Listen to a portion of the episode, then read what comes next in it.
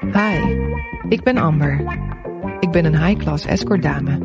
Je gaat nu luisteren naar mijn waargebeurde belevenissen. De man die op me wacht is van het type niet lullen, maar poetsen. Zodra ik de kamerdeur sluit, drukt hij me een gesloten envelop in handen. Na de formaliteiten legt hij zijn hand op mijn knie en zegt: Zo lekkertje, wij gaan eens even goed van Bill. Ik loop van de zitkamer naar het bed. Op de grond een designerdas, een verfrommelde krant, een losse schoen. Op de salontafel ligt naast een sok een stapeltje bankbiljetten. Een Rolex slingert op het nachtkastje. Afwisselend leunend op mijn benen frik ik mijn pumps uit. Achter me klikt een bukkel open. Zijn broek valt op de grond. Ik wil graag een deep throat, zegt hij.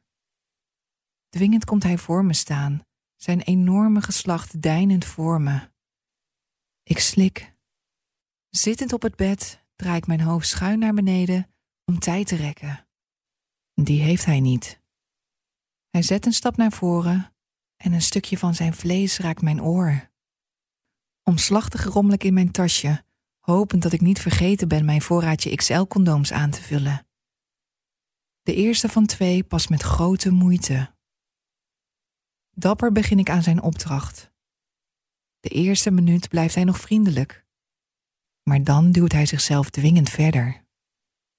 Half kokhalzend laat ik me achterover vallen en zet mijn liefste stemmetje op. Ik ben helemaal klaar voor je. Wat een enorme verrassing heb jij in je broek. Hij trapt erin. Hij laat zich op het bed vallen, waar hij mijn BH ruw tegen mijn borstbeen trekt en in mijn tepels bijt. Wijd die benen, knort hij opgewonden, en ik kan nog net op tijd glimlachen als hij me torpedeert. Morgen zal ik niet kunnen werken. Stilletjes hoop ik dat hij opschiet. Zijn grote handen trekken me omhoog en hij lift me op mijn knieën, druk knedend aan mijn achterste. Mag het van achter? vraagt hij. En ik schud nee. Als er een God bestaat, hoop ik dat hij zich juist nu de kerkbezoekjes uit mijn jeugd herinnert en genade kent. Geef niets, vervolgt hij. Lekker wordt het toch wel.